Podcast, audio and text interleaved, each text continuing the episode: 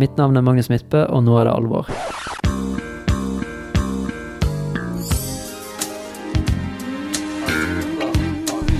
Ja, Da var vi. Velkommen til podkasten, Magnus. ja, tusen takk. Det er hyggelig å være her. Nå er det alvor. Nå er det alvor. Ja. Grattis, eller eh, jeg kan vel ikke si grattis med gårsdagens eh, Eh, Mesternes mester. Jeg er jo sånn eh, Alt i alt så er jeg ganske fornøyd, da. Eh, det var liksom Målet mitt var å bare være med så lenge som mulig. Og jeg fikk være med på alle konkurransene bortsett fra én, så egentlig så er jeg ganske fornøyd. Men av alle øvelser, liksom, så var det veldig kjipt å ryke på den der. ja. Hva det var for noe? Det var sånn tre hull, og så ja, tre hull, og så skulle man kaste tennisball og treffe tre hull. Og vi så jo på øvelsen på forhånd og tenkte at det der kan umulig være så vanskelig. Så jeg tenkte liksom at hvis jeg har nok forsprang, så skal det der gå fint. Ja. Eh, men det var mye vanskeligere enn det virket som. Og spesielt etter man gikk tom for baller, for det var sånn 20 baller eller sånn som lå i den eh, bøtten. Ja. Og etter man gikk tom for det, så måtte man gå og hente de da, én etter én. Så det tok jo bare evig lang tid. Eh, men tidligere år så har det faktisk har det vært skranke som siste. ja. Men jeg tror de innså at det var litt for lett. for da hadde vi jo Altså både Aksel og jeg hadde jo, og sikkert Håvard også hadde stått fem minutter i den skranken uansett. Mm. Så den hadde liksom ikke avgjort noe, da. Ehm, så, men jeg skulle, skulle ønske det var det i år igjen. ja. Men, for du hadde jo vunnet, hadde du eh, Hvis det var skranke, så hadde jeg vunnet. Mm, Ja. mm. Men, uh, men samtidig så er det jo en del av gamet, det med baller og sånt. Det har jo vært uh, Altså før den øvelsen også, så var det mye tilfeldige øvelser og Ja, så Så ja, jeg er ikke så veldig skuffet, egentlig. Nei. Nei. Hva, hva du tror det er som er grunnen til at Mesternes mester liksom trigger de samme følelsene i oss som f.eks. ski-VM Ja. eller fotball-VM eller alle, alle de andre store mesterskapene? Ja, nei, Det syns jeg det er et godt spørsmål. Jeg syns det er litt rart selv eh, altså hvor mye oppmerksomhet det får. Men eh, jeg tror det er det at det fanger så bredt. Det er liksom alt fra, alt fra barn, veldig unge, til eh, gamle, på en måte. Og alle har et forhold til de forskjellige idrettsutøverne. Så mm, men, eh, men det er rart hvor Altså, de, det er jo så utrolig høye seertall. Det er vel eh, omtrent det mest sette programmet på norsk TV. Eh, Det visste jeg ikke. Nei. Ja, Det det, det var jo sånn som før finalen så gikk jo uh, ski-VM, og de hadde vel bare uh, altså, halvparten eller til og med en tredjedel av de uh, visningene som Mesternes mester hadde, som er veldig spesielt. Ja, det er interessant. Mm. Jeg har sett at uh, seertallene på ski generelt Mm. går veldig ned nå. Ja, de gjør det, ja. At ja. det er bare sånn menn 50 Ja. pluss som ser på. Kanskje det er fordi Northug har gitt seg. Ja, eh, kanskje han var det store trekkplasteret. Ja. Eh, mesternes mester, da. Hva, hadde du noen gang i dine villeste fantasier trodd at du skulle være med på et reality-program? Nei, egentlig ikke. Det, og det blir nok med det. Jeg tror det er det eneste programmet jeg kommer til å være med på. Ja. Ikke det at jeg har blitt spurt, men jeg ser ikke for meg Kanskje 71 grader nord eh, eller noe sånt, men der tror jeg heller ikke jeg blir spurt. Det er for mye klatring, sikkert. Ja, det blir juks. Ja, det blir juks. Samtidig så er det ikke klatreøvelsen som avgjør noe, da. Nei. Det er mer bare for Du må jo dra med hele laget opp på de klatreøvelsene. Ja. Og så er det jo ofte sånn litt samme øvelser som eh, Mesternes mester med sånn type kaste ball og løse, løse puslespill og sånt, Ja. som egentlig avgjør hvem som ryker ut. Men eh, det er kanskje det eneste andre sånn reality-programmet jeg kunne vært med på, Mm. tror jeg. Mm.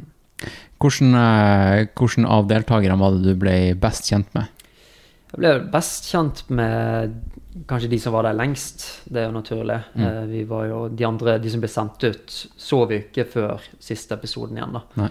Um, så det var jo kanskje sånn Aksel og Håvard uh, som, som jeg ble best kjent med, da. Um, For det er jo veldig sånn vanlig i realityshow at du vet når Mm. man ryker ut, at det er litt sånn grining, og Ja. man holder sånne avskjedstaler, og vi ble så gode venner, og, vi må holde kontakter på utsida. Ja. Har, du, har du fått noen sånne bekjen- bekjentskap? Har du eh, fortsatt å Eh, henge med noen? Nei, altså det, jo, det har vært litt vanskelig pga. koronaen Mm. å henge med folk. Vi skulle egentlig ha premierefest og finalefest, men begge de ble avlyst. Eh, men vi har snakket om Jeg har vært på en joggetur og en sykkeltur med noen fra Altså med Håvard og litt forskjellige. Men vi har ikke kunnet møttes så mye. Men det er jo bare pga. koronaen, så får vi se hvor mye det blir etter. Uh, ja, Mm. når ting vender tilbake til normalen. Mm. Jeg skulle hilse fra niesene mine, Ulla Ja. og Klara. De binger 'Mesternes mester' nå. Ja, okay. De ser alle, alle episodene okay. om igjen nå i kveld. Om igjen? Ja. Men de har sett de allerede? De vet at du skulle komme til meg, så, det, Ja, okay. så FaceTime jeg med dem i stad. Jeg satt der borte og så sa jeg, der skal Magnus sitte. Ja, ok. Jeg syns det var så sjukt fett. jeg fikk, sånn, jeg fikk uh, meldinger av videoer med barn som gråt og sånt når Ja. ble sendt ut. Så det er utrolig rørende. Det er jo dritfett. eh, Ja. Eh, Hva du tenker om at, um, at du er kanskje ansvarlig for å ha skapt en ny klatrebølge i Norge? Du er jo det. Ikke bare kanskje, men du er jo det. Ja, altså klatring har jo vokst veldig mye eh, de siste 15 årene. Og ja, jeg, er nok kanskje en del av den grunnen, men jeg tror også grunnen er det at eh, sånn alternative treningsformer har blitt veldig populært. Mm. Folk ser etter andre måter å trene på enn det der typisk å dra på og satse lekser, liksom. Um, så jeg tror det hadde vokst veldig mye uansett. Um, og så nå skulle jo egentlig OL vært en Nei, skulle egentlig klatringen vært en OL-gren i Tokyo. nå. Sant? Eh, så det er veldig mye Altså, jeg er kanskje en liten del av det, men, uh, og det, det tar jeg stor ære i. Men jeg tror det hadde vokst uansett. Mm. Men uh, hva du mener med at det skulle vært? Tror du ikke at det blir? jeg tror det, jo, jeg tror det blir, men OL ble jo avlyst. Eh, blir det Hæ? Blir OL avlyst? Nei, det ble avlyst i Tokyo. Det skulle vært i Tokyo i fjor. Ja, men eh, ja, det, ja, ok, men det skal være i år. Ja, Ja. det får vi se nå, da. Eh, Det blir jo et veldig annerledes OL hvis det blir. Eh, Mm. Jeg tror de snakker om sånn å ha det uten publikum, som er veldig synd. Jeg var jo nede i Tokyo, for jeg har samarbeid med Toyota. Så jeg var nede i Tokyo Ja. Det var vel i fjor Nei, det blir forfjor, da. Som rett, rett før liksom, OL skulle være, da. Og så liksom på alle, alle forberedelsene og sånt. Mm. Og det er jo utrolig dyrt, først og fremst, det å hoste OL. Og de har lagt så utrolig mye arbeid i det. Eh, jeg skulle egentlig løpe med OL-fakkelen, faktisk, også. Seriøst? Ja, på, på grunn av eh, Toyota, da. Eh, og skulle være der under OL og lage videoer til YouTube-kanalen min med forskjellige utøvere og sånt. Så jeg hadde virkelig gledet meg til det. Steike. Så det var synd at ikke det ble noe av. Men uh, nå blir det noe av eh, til neste år, da. Men jeg tror ikke jeg får noen rolle i det OL-et, bare fordi at det kommer til å være et sånt lukket OL. da. Ja, sant. Mm. Men uh, apropos løping, du kan jo Mm. løpe. Det viste du oss i 'Mesterens mester'. Ja, det får du avgjøre, da. Men ja, ja, men det var Ja. skikkelig spredt i steget. Ja, ok, takk for det.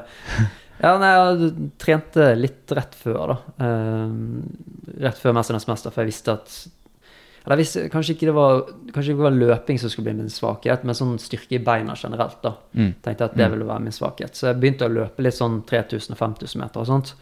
Uh, og så fant jeg litt sånn tider på, på de andre deltakerne, bare for å se liksom, cirka hvordan jeg lå an. Og fant egentlig ut at jeg lå ganske bra an. Mm. Uh, så jeg, ja, overraskende egentlig, for jeg har, jeg har ikke løpt så veldig mye.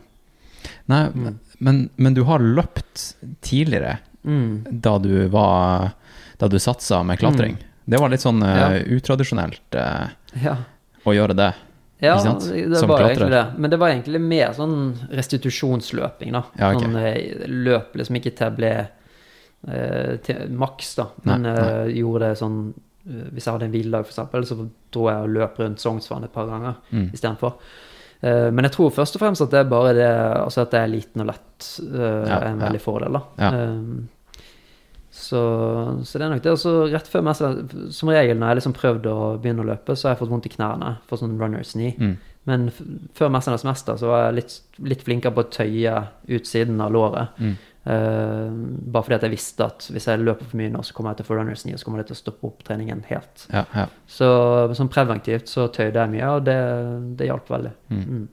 Hvor mye, Vet du noe om hvor mye de andre trente for å komme i shape til 'Mesternes mester'? Eller bare stilte dem opp? Eh, jeg tror det er veldig forskjellig fra utøver til utøver. Så er det også veldig urettferdig med tanke på hvor lang tid det har gått fra de har lagt opp til de er med. Ja. Det er jo noen som la opp i fjor, eh, forfjor, liksom, meg selv, meg selv inkludert. Det var ikke lenge siden jeg la opp heller, og jeg har vært ganske aktiv siden. Mm. Og så er det noen som har lagt opp for veldig mange år siden. Så, men, eh, men jeg tror noen tar det veldig seriøst, altså. Og det Mm. eh, produksjonen også er veldig flinke på å minne oss på det at eh, dere kommer til å angre hvis dere ikke er forberedt på dette her. For det, de, har, de har opplevd det tidligere sesonger. da. At det er sånn etterpå, når folk sitter i sofaen og ser på, så er det sånn åh, skulle ønske jeg trente litt mer, eller skulle ønske jeg liksom ga litt mer jernet, da. Ja. Um, spesielt de som ryker ut helt i begynnelsen, for det, du har ikke konkurrert på lang tid, og så blir du liksom hevet inn i programmet og begynner å konkurrere fra dag én. Ja. Og så er det litt sånn Du kanskje ikke gir maks de første, og så hvis du ikke gir maks fra dag én, så, så ryker du ut, liksom. Så de, de, var veldig flinke til å fortelle oss det eh, fra starten av, da, at hvis dere ikke gir gass fra starten av, så kommer dere til å angre på dette her. Ja, ikke sant. Ja. Nei, altså, han Koss må jo ha trent mye Ja. i 90-graderen for å komme seg i shape til den. Ja, det har han. Altså, han innrømmet jo også at de hadde stått en time i 90-graderen sånn fra gammelt av, da. Ja. Eh, Ja. Det var liksom en del av treningen da han var ung. Men, eh, men han trente Men han er jo også en av de som var lengst eh, siden la opp, da. Eh, men han trente nok ganske hardt Mm. eh, rett før, tipper jeg, og det andre også. Og, og jeg tok det også jeg tok det ganske seriøst, eh, altså. Jeg trente Jeg så alle, alle sesongene og liksom prøvde å forberede meg så bra, så bra som mulig. Mm. Mm. Tror du eh, den 90-graderen er samme sånn egenskap som du har i tuppen og i fingertuppene? At det bare er å låse? Låse Ja, kanskje litt eh, Det ble snak, var snakk om å, liksom, å skifte vekten da, fra én fot til en annen. Sånn at det blir litt sånn Ja, sånn mikrobevegelser, Ja, ja. ja. Som du ikke ser, Ja. men uh, du bare fordeler vekten først én side og så en annen, bare for å få avlast, og så kommer du inn i sånn rytme. Så jeg tror det er det som er trikset der, egentlig. Mm. Um, men, men jeg tror det er mye sånn altså muskelhukommelse og sånt. Mm. Og bare hvis du har gjort det der en gang. Det er litt samme med noen av de der eh, øvelsene som jeg altså, har trent mye, sånn som frontlever og one arm og sånne type ting. Mm. Det sitter sånn at selv om jeg ikke trener på et par måneder, eller ja, til og med lengre tid, så, så kan jeg likevel gjøre det. Mm. Bare fordi kroppen har, Jeg har gjort det så mye liksom, i oppveksten. Og Ja. jeg var jo skøyteløper før, i Mm. gamle dager. Ja, okay. Og det er ti år siden jeg la opp. Mm. Men setter jeg på meg skøytene nå, så, så går det jo som, altså, som om Ja. det var i går, nesten. Ja. Ja, det, men det, det er det er sånn, altså ja, Det er de siste 10-20 prosentene da, som ikke sitter, på en måte. Men Mm. uh, det skal, skal ikke så mye til å hente fram et nivå du tidligere har hatt, på en måte. Nei, sant. Mm. Uh, Du, eh, du la opp i 2017, altså. sånn? Mm. Hvordan går det an å legge opp som klatrer? Sånn, er er ikke det mer en sånn mental greie, at liksom du sier til deg sjøl at nå skal jeg ikke Ja. eh, stille opp i NM eller Mm. eh, World Cup, Mm. men du klatrer jo fortsatt? Ja, jeg klarte jo nesten like mye fortsatt. Mm. Det var mer Det var konkurranser, først og fremst, da, jeg la opp fra. Mm. Eh, men eh, Og det gjorde jo også den over... Altså, det var ikke en veldig hard overgang for meg. Mange syns det er veldig trist å legge opp og sånt, men jeg skulle jo ikke klatre noe mindre. Det var bare det at jeg ikke skulle konkurrere. Så så det var egentlig ikke så veldig hardt. Jeg tror egentlig at jeg skulle lagt opp et par år tidligere enn jeg gjorde. Eh, De siste to årene jeg konkurrerte, så var det egentlig mer fordi at jeg følte at det var jobben min. Sponsorer Eh, og ja. obligations, liksom? Mm. Mm. At det var forventet av meg, da. Og så, ja, som du også vet, så man må ha sånn egen motivasjon. Det Mm. nytter ikke å ha press utenfra. Liksom. Du Mm. må virkelig ville det. Hvor, hvor mye av det ble uh, identiteten din? Var du 100% Magnus klatreren, mm. eller var, hadde du liksom et par prosent på sida der du hadde dine egne hobbyer, eller, eller var det bare klatring? Ja, det var bare klatring, men egentlig så var det Det ble jo egentlig litt mer og mer sånn eh, sosiale medier og sånt, da. Mm. Det ble viktigere og viktigere. Eh, ikke bare for meg. Jeg syns jo det var veldig hyggelig med den oppmerksomheten man får på sosiale medier. Sant? Jeg hadde ikke fått Altså, jeg kunne komme, gjøre det virkelig bra i konkurranser, men det ble ikke skrevet noe i media, på en måte. Uh, så etter hvert som vi begynte med sosiale medier, så tok jeg den kontrollen selv. da, Altså jeg ble, Mm.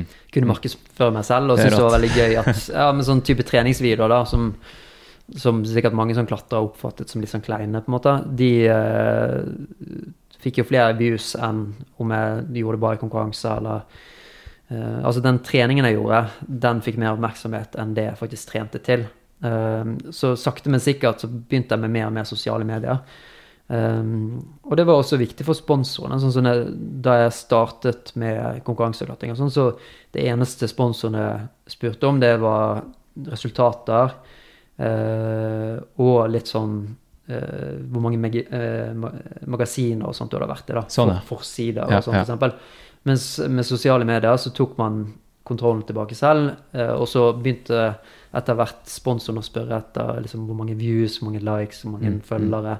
Som er positivt, men også negativt. Da, for det skviser jo ut veldig mange som er skikkelig flinke på det de driver med, men som ikke liker sosiale medier og ikke har lyst til å bruke tiden sin på det. Mm. Eh, Men for min del så var det jo Jeg var ganske investert allerede i sosiale medier. Og for meg personlig var det positivt, men samtidig så ser jeg jo det negative i at det blir mer og mer eh, sånn. Mm. Jeg så han Kilian posta, altså han Kilian Jeanette, Jeanette Mm. posta etter annet med den her, at det er, så, det er så mange måter å, å leve som en toppidrettsutøver for tida. Enten kan du være liksom nesten i toppen, men ha en ganske solid eh, sosiale medier-gig på gang. Mm. Ellers så kan du bare være en, den beste utøveren. Og han sa jo sjøl da, ganske cocky, han velger å bare være den beste utøveren. Ja. Men han er jo også ganske flink på sosiale medier. da. Mm. Men eh, ja, det er interessant hvordan det, hvordan det har utvikla seg der. Altså. Mm. Eh, det er ganske sånn hard justis i klatring, Mm. vil jeg si. Jeg starta å klatre for fire år siden, Ja. Og merka ganske fort at, at det var mye sånne regler. Mm. Mye uskrevne regler. Ja. Alle sier at det ikke er noen regler, men det er ganske, du, du skjønner fort at det er det. Uh, du bare plukker opp litt og litt her og der, og alt ifra liksom bare sånne her, uh, småting som klesmote, og Ja. ikke sant, eh, hvordan du skal te deg, hva du skal si. Mm.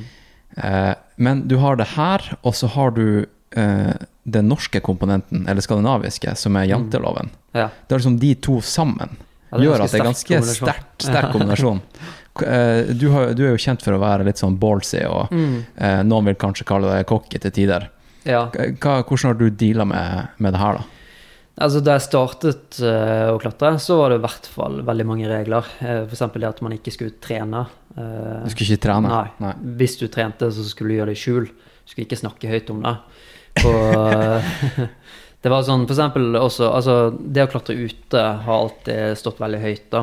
Eh, Men det i hvert fall i, i Norge så er det ofte ikke like bra trening som å klatre inne. Eh, Så da jeg var ung, så var det å, det å klatre inne på en dag hvor det var mulig å klatre ute, det var veldig sånn tabu, på en måte. Ja. Hvor det her kommer fra? Jeg vet ikke hvor det kommer fra. Altså, det er gammelt, da. Altså type at klatrere var veldig sånn harde eh, og kanskje ikke ville bli eh, identifisert med annen idrett. At klatring var noe spesielt. Ja, motkultur. Motkultur, Mm, kanskje. mm. Mm. Litt sånn rebelsk. Mm.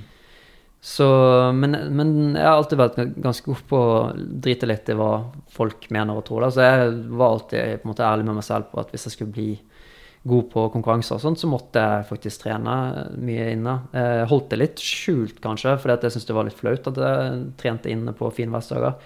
Men eh, samtidig så ja, jeg siktet høyt, og hvis jeg hadde lyst til å nå høyt, så, så visste jeg liksom at det var det jeg måtte gjøre. da. Mm.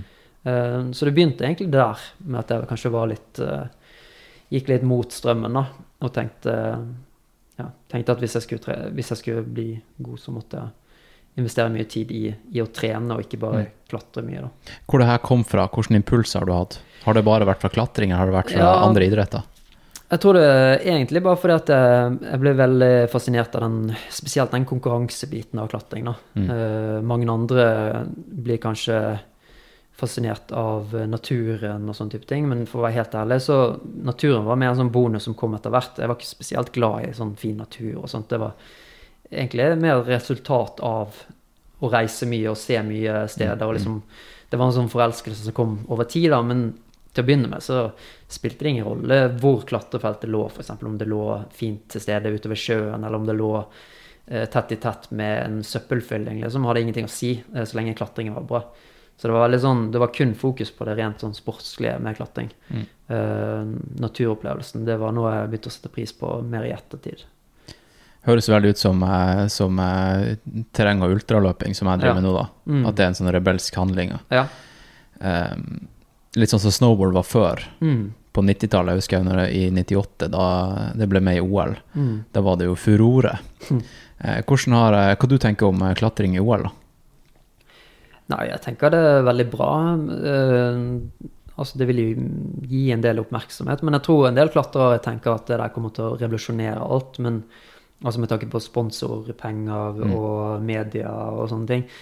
Men samtidig så jeg kjenner jo mange eh, sånn OL-utøvere som ikke får noe oppmerksomhet, som lever på stipend for Olympiatoppen og knapt nok er i avisen. Mm. Så jeg tror ikke nødvendigvis at OL kommer til å forandre klatring så mye. Hvis det blir en populær OL-gren, så, så, gjør nok det. Men eh, samtidig så er det jo det er jo noen sånne kompromisser vi måtte, måtte inngå da, ved å bli en OL-gren. F.eks. det med kombinert format, med at ja, det både er buldring, speed og led. og eh, klatrere har liksom måttet trene speedklatring da, for å ha noen sjanse i OL. Ja.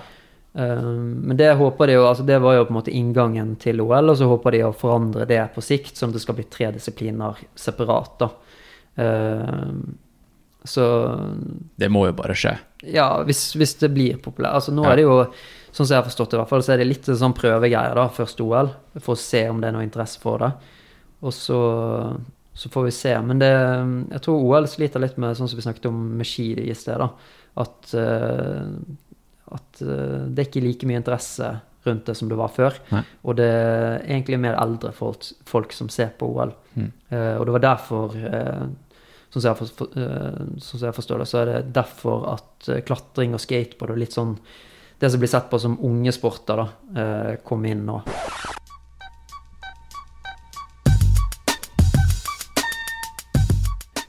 All right, eh, folkens. Jeg er veldig lei for det, men eh, jeg må rett og slett bare stoppe podkasten eh, akkurat her. Etter bare 20 minutter. Det er faktisk 70 minutter som gjenstår, og um, dem kan du høre inne på patrion.com slash nedaproject. Og i løpet av de 70 minuttene så skal jeg og han Magnus Midtbø prate om blant annet janteloven, hvordan han har forholdt seg til den. Han er jo veldig kjent for å på en måte ha vist fingeren til, eh, til hele denne justisen i, den harde justisen i klatremiljøet og janteloven generelt. Han skal prate om eh, den asketiske tilværelsen hans i Innsbruck, da han eh, flytta ned dit som 16-åring og trente med han David Lama. Vi skal snakke om hvordan det er å leve av YouTube. Vi skal snakke om spiseforstyrrelser i klatring, i toppidrett generelt, og han deler sine erfaringer med å prøve å bli så tynn som overhodet mulig. Og eh, det sier seg sjøl at det da, da, går det galt på et eller annet punkt. Så det skal vi snakke om. Hva skal til for å bli best i klatring? Det skal vi snakke om. Vi skal snakke om framtida til Magnus. Kommer han til å vurdere å gjøre andre ting? Dvs. Si å, å, å bevege seg ut i f.eks. høyfjellet. Skal han eh, f.eks. begynne å trene mer løping, sånn at han kan eh, lage noen fete ruter i fjellet som ellers ikke ville vært mulig? Og vi skal prate om Rugne, det her eh, klatremerket som han, Magnus har, har starta opp. Så det er ufattelig mye snacks inne på Patrion. Ikke bare fra den episoden der med Magnus, men også fra alle de andre episodene. Blant annet kan jeg friste med siste episoden med Tor Gotaas, der vi snakker om, um, om uh, løpehistorien til Norge. Boysen var jo en av verdens beste 800-meterløpere fra 1950 til 1958. Han var jo egentlig fra Rissa i Trøndelag. og Han kom til Oslo da, for å studere psykologi, og, og var jo en veldig fin type. Han likte jo å si at han ikke trente så hardt, men han trente jo veldig hardt. Eh, mye intervall i den tida, men òg en del sånn løping på Bygdøy. Han likte å løpe i Kongsskogen på Bygdøy. og mm. Boysen hadde veldig fint steg. Han var trent av en som het Asbjørn Jansgaard i Salve, og senere Arne Nytrø. Så han Boysen han var altså enda bedre enn Kvaland-gutt. Han tok jo medaljer i OL og EM, og han var jo så god at han kunne faktisk klart å ta OL-gull og EM-gull hvis, hvis, han hadde vært heldig. Men han, han, han, var blant de Altså fra 1950, da han løp på 1,48,7, hadde verdens beste tid på 800 meter det året. Mm. Det året var verdens beste tid. Så mm. til han la opp i 1958, så, så, var han en av verdens beste. Og han var i Tyskland, og da da, og da når han varma opp, da, så, så, så, så klappa publikum og sa 'skjøne, skjøne'. Han løp så pent. Eh, du kan også høre episoden med han eh, Jan Post og Christian Ulriksen i sin helhet. Og eh, hele, hele den her Blazing podcast-rekka, jeg tror det var seks episoder, den ligger ute på, på Patrion også. I tillegg så er f.eks. episoden med Celine Haga der, hun MMA-fighteren som fighter i Invicta denne eh, organisasjonen for kvinner i USA. Eh, og hun bor i Colorado. Hun klatrer, hun springer, og hun slåss.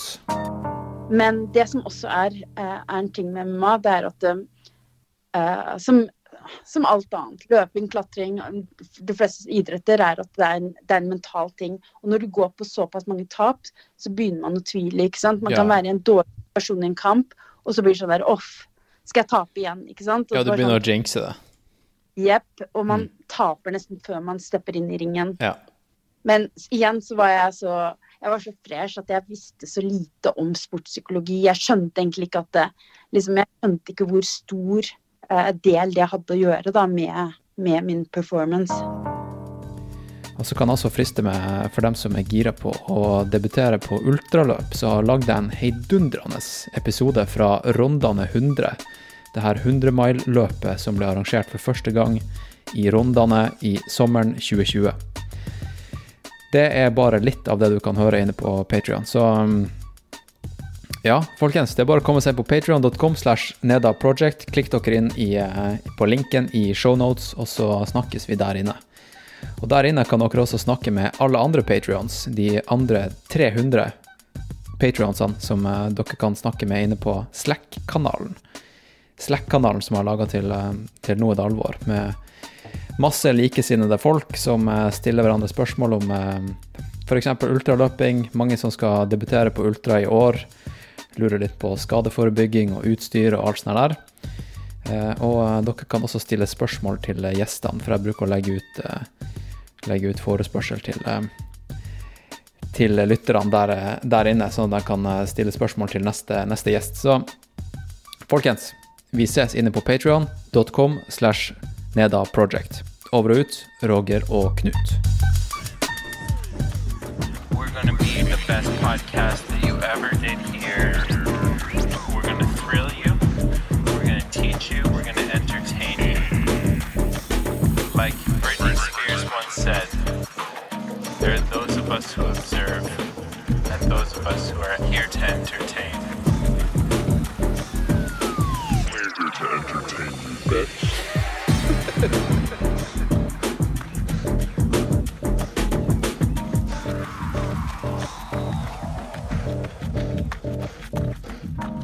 Mitt navn er Magnus Midtbø, og nå er det alvor.